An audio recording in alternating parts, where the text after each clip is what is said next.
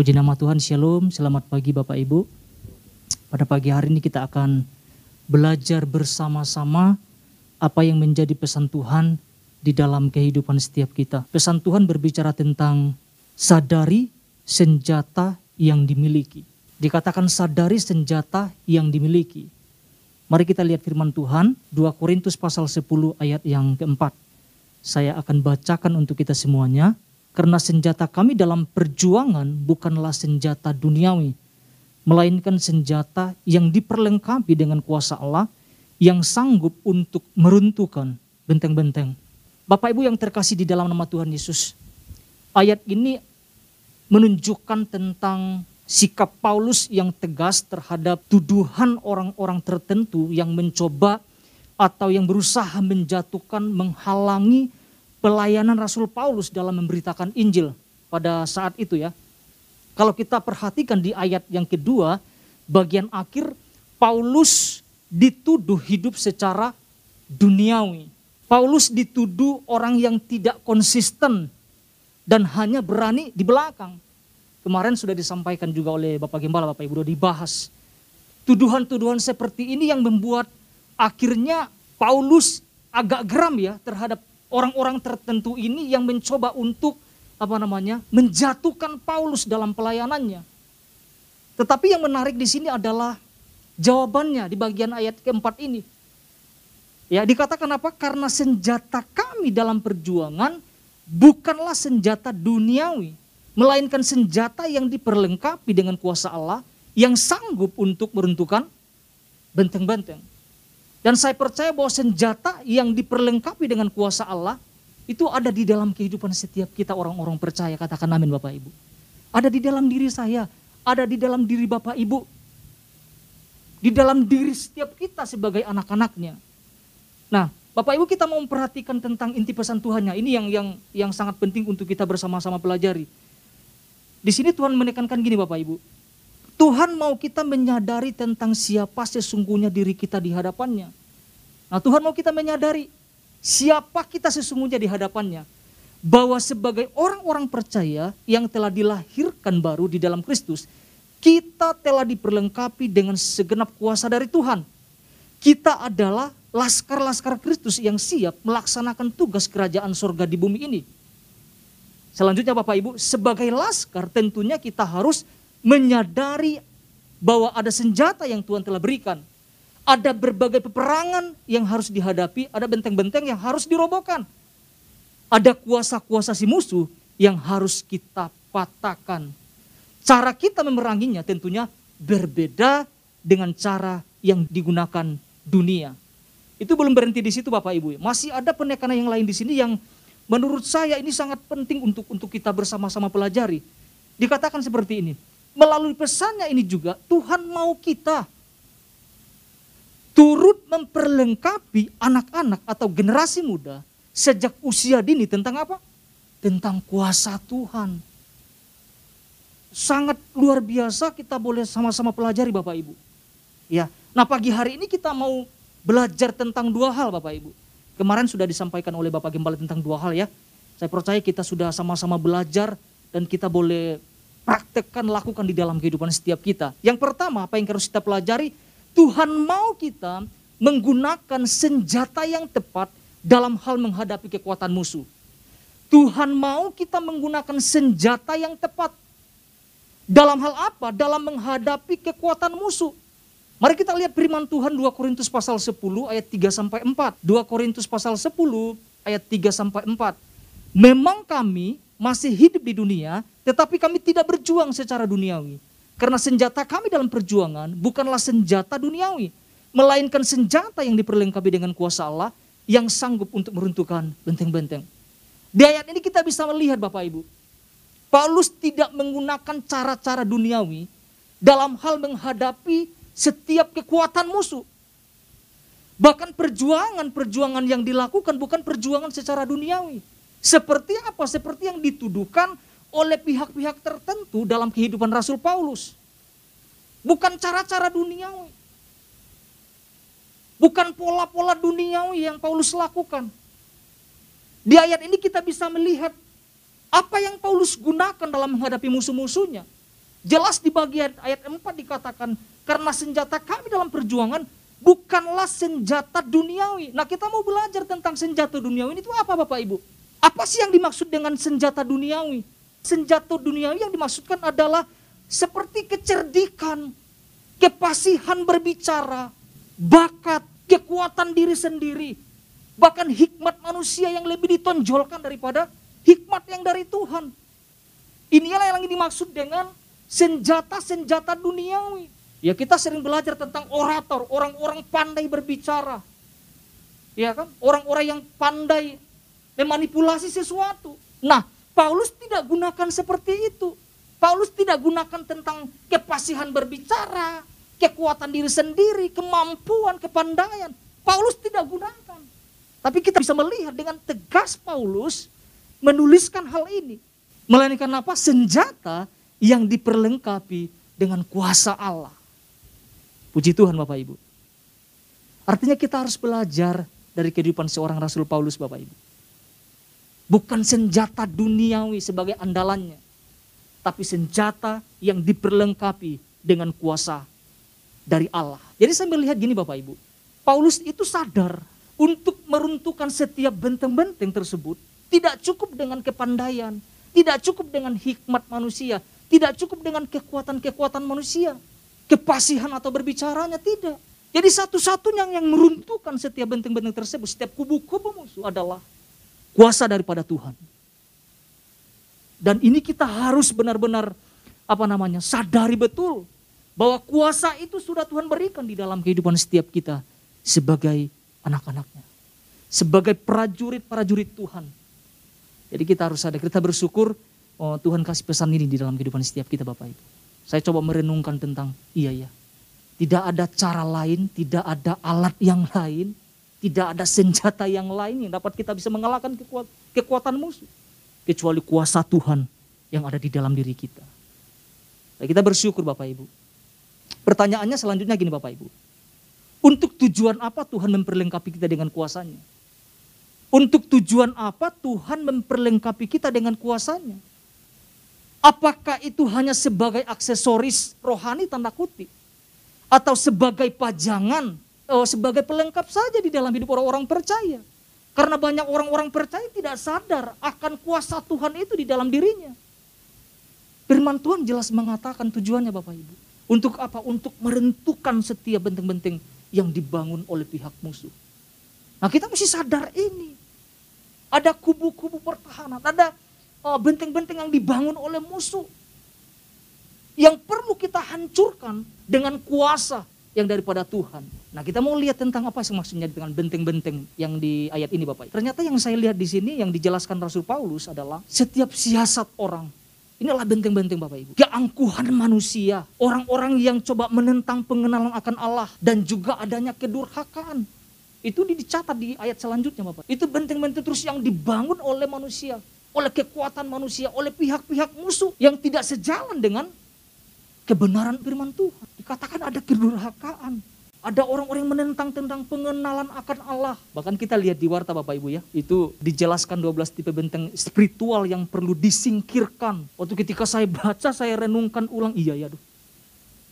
Kadang-kadang kita nggak sadari ada ada sesuatu yang harus kita hancurkan. Dikatakan uh, eh, 12 di situ ya Bapak Ibu. Tapi sebagian saya bacakan. Ada kepahitan, iri hati, kenajisan, tekanan, pemujaan, penolakan, pemberontakan. Apalagi Bapak Ibu, ketidakjujuran, kesombongan, ketakutan, dan lain sebagainya. Ada banyak hal yang harus kita hancurkan ternyata. Dan ini nggak main-main, Dan ini untuk merobohkan ini tidak tidak akan mampu dengan kekuatan kita sendiri. Tuhan kasih senjata buat setiap kita seperti Rasul Paulus katakan. Senjata yang diperlengkapi oleh kuasa yang daripada Tuhan.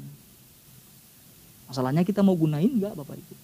Jangan hanya menjadi pajangan, menjadi aksesoris, mengenal Tuhan, terus tidak lakukan apa-apa. Paulus ngerti itu, tidak akan mampu dengan kekuatan sendiri. Hanya ada kuasa yang daripada Tuhan yang dapat meruntuhkan setiap benteng tersebut. Kita mau lihat firman Tuhan Bapak Ibu, Roma 6 ayat 13. Roma 6 ayat 13, firman Tuhan berkata, dan janganlah kamu menyerahkan anggota-anggota tubuhmu kepada dosa untuk dipakai sebagai senjata kelaliman. Tetapi serahkanlah dirimu kepada Allah sebagai orang-orang yang dahulu mati. Tetapi sekarang, ini yang firman Tuhan katakan Bapak Ibu. Tetapi yang sekarang hidup dan serahkanlah anggota-anggota tubuhmu kepada Allah untuk menjadi apa? Senjata, senjata kebenaran. Jadi kita harus hidup kebenaran dulu. Untuk menerima kuasa tersebut kita harus hidup sesuai dengan kebenaran firman Tuhan. Jadi katakan apa? Dan serahkanlah anggota-anggota tubuhmu kepada Allah untuk menjadi senjata-senjata kebenaran. Iri hati kemunafikan. Itu perlu kita hancurkan. Dengan cara apa? Jangan cara hidup di dalam kebenaran. Sebagai dikatakan sebagai senjata-senjata kebenaran. Kalau kita tidak pernah menerima kebenaran, kalau kita nggak pernah menerima Injil daripada Kristus, sekuat apa pun kita berdoa, kita tidak akan bisa merubuhkan apa pun. Tapi kalau kebenaran itu ada di dalam diri kita, ada kuasa Tuhan di dalam kehidupan setiap kita, itu akan mampu merubuhkan, mematahkan, menghancurkan kekuatan-kekuatan musuh. Ini yang poin pertama yang dapat kita pelajari bersama-sama Bapak Ibu. Yang kedua yang dapat kita pelajari, kita renungkan bersama-sama Bapak Ibu.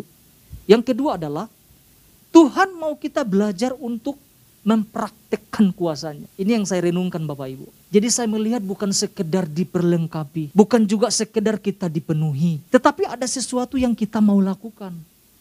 Ada sesuatu yang kita mau kerjakan. Ada sesuatu yang kita mau praktekkan. Apa yang kita mau kerjakan? Apa yang kita mau lakukan Bapak Ibu?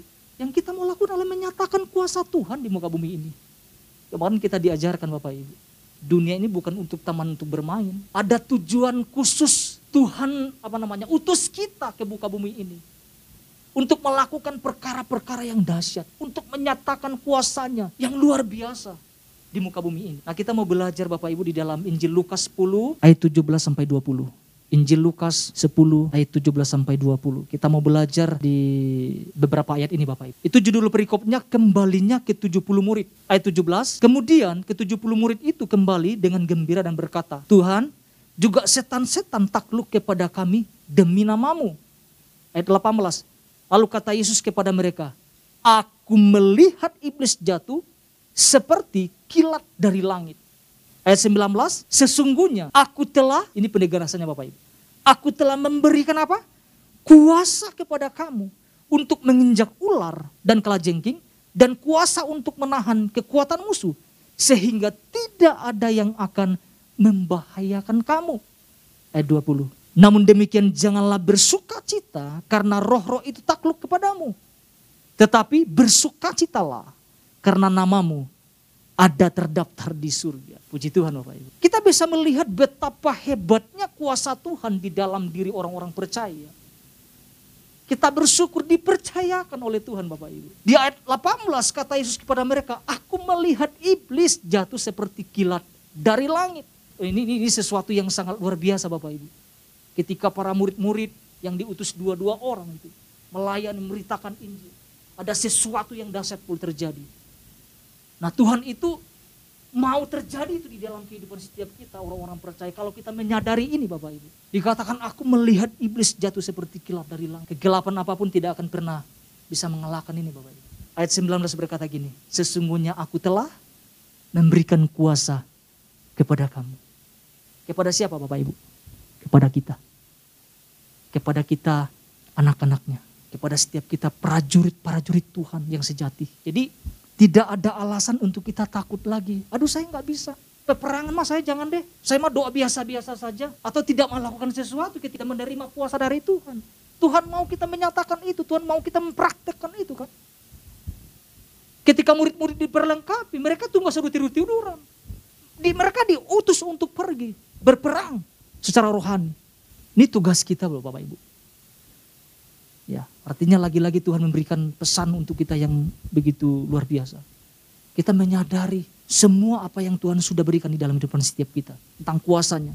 Selanjutnya gini Bapak Ibu, kalau kita memperhatikan kan dijelaskan di dalam inti pesan Tuhan ya. Tuhan mau kita mengambil bagian turut memperlengkapi anak-anak atau generasi muda sejak usia dan tentang kuasa Tuhan. Ini sangat penting ya. Karena bukan sekedar apa namanya ya, mendorong anak-anak atau orang-orang para remaja, generasi muda untuk ah yang penting ikut ibadah. Ah yang penting kan sudah berdoa kan. Tidak seperti itu, tetapi kita harus uh, menekankan, mengajarkan mungkin berulang-ulang tentang kuasa ini karena kita tidak tahu kan. Wilayah-wilayah seperti apa yang mereka harus lewati. Nah, ketika mereka diperlengkapi dengan kuasa Allah, anak-anak ini tahu cara menghadapinya, cara menggunakannya. Kan? Jangan sampai nanti pola-pola dunia yang berlaku gunakan. Nah tujuan diperlengkapi anak-anak itu supaya mereka tahu bahwa ada kuasa yang dahsyat di dalam diri anak-anak. Mungkin jarang banget ya Bapak Ibu ya kalau kita melihat anak-anak diperlengkapi dengan dengan kuasa Tuhan. Mungkin kayak dianggap tanda kutip tabu gitu ya. Oh yang penting kan udah berdoa, yang penting kan sudah beribadah bersama-sama. Tidak seperti itu. Tuhan menekankan ini. Tuhan mau kita turut ambil bagian untuk menanamkan tentang kuasa Tuhan kepada generasi. Nah, kita bisa melihat generasi sekarang Bapak Ibu, waduh, tantangannya itu makin berat. Pilihan-pilihan mereka itu makin banyak. Coba kita coba ini, suruh baca firman Tuhan atau main game. Kita bisa lihat ini. Bahkan anak-anak gak mau makan kalau tidak sambil nonton. Termasuk orang-orang dewasa juga Bapak Ibu. Nah Ketika Tuhan tekankan ini saya renungkan ulang, iya ya. Nanti generasi anak-anak saya nanti, waduh makin parah nih. Kalau kita tidak tanamkan, kalau Tuhan tidak kasih pesan ini, ya kita kita hanya sekedar tahu bahwa oh yang dipenuhi hanya orang-orang dewasa, enggak. Semua anak-anak Tuhan. Nah ini yang perlu kita harus juga sadari Bapak Ibu. Ya kita bersyukur lewat pesan Tuhan ini Tuhan kasih kepada kita. Supaya kita berawas-awas untuk memperlengkapi, mempersiapkan generasi ke generasi di bawah kita. Supaya mereka muncul generasi-generasi yang dahsyat, yang mampu untuk meruntuhkan setiap apa namanya kuasa-kuasa kegelapan ya, yang mencoba merobohkan hidup orang-orang percaya. Jadi kita belajar bersama-sama Bapak Ibu untuk apa mempraktekkan kuasa yang kita terima daripada Tuhan.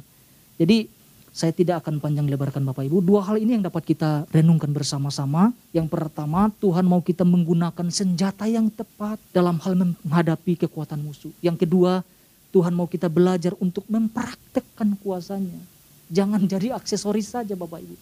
Jangan hanya jadi pajangan pelengkap saja, enggak. Ada tujuan Tuhan memperlengkapi dengan kuasanya. Untuk apa? Untuk merobohkan setiap kuasa-kuasa kegelapan. Setiap kubu-kubu yang dibangun oleh musuh. Dan Tuhan sudah kasih kuasa di dalam kehidupan setiap kita. Tuhan Yesus memberkati.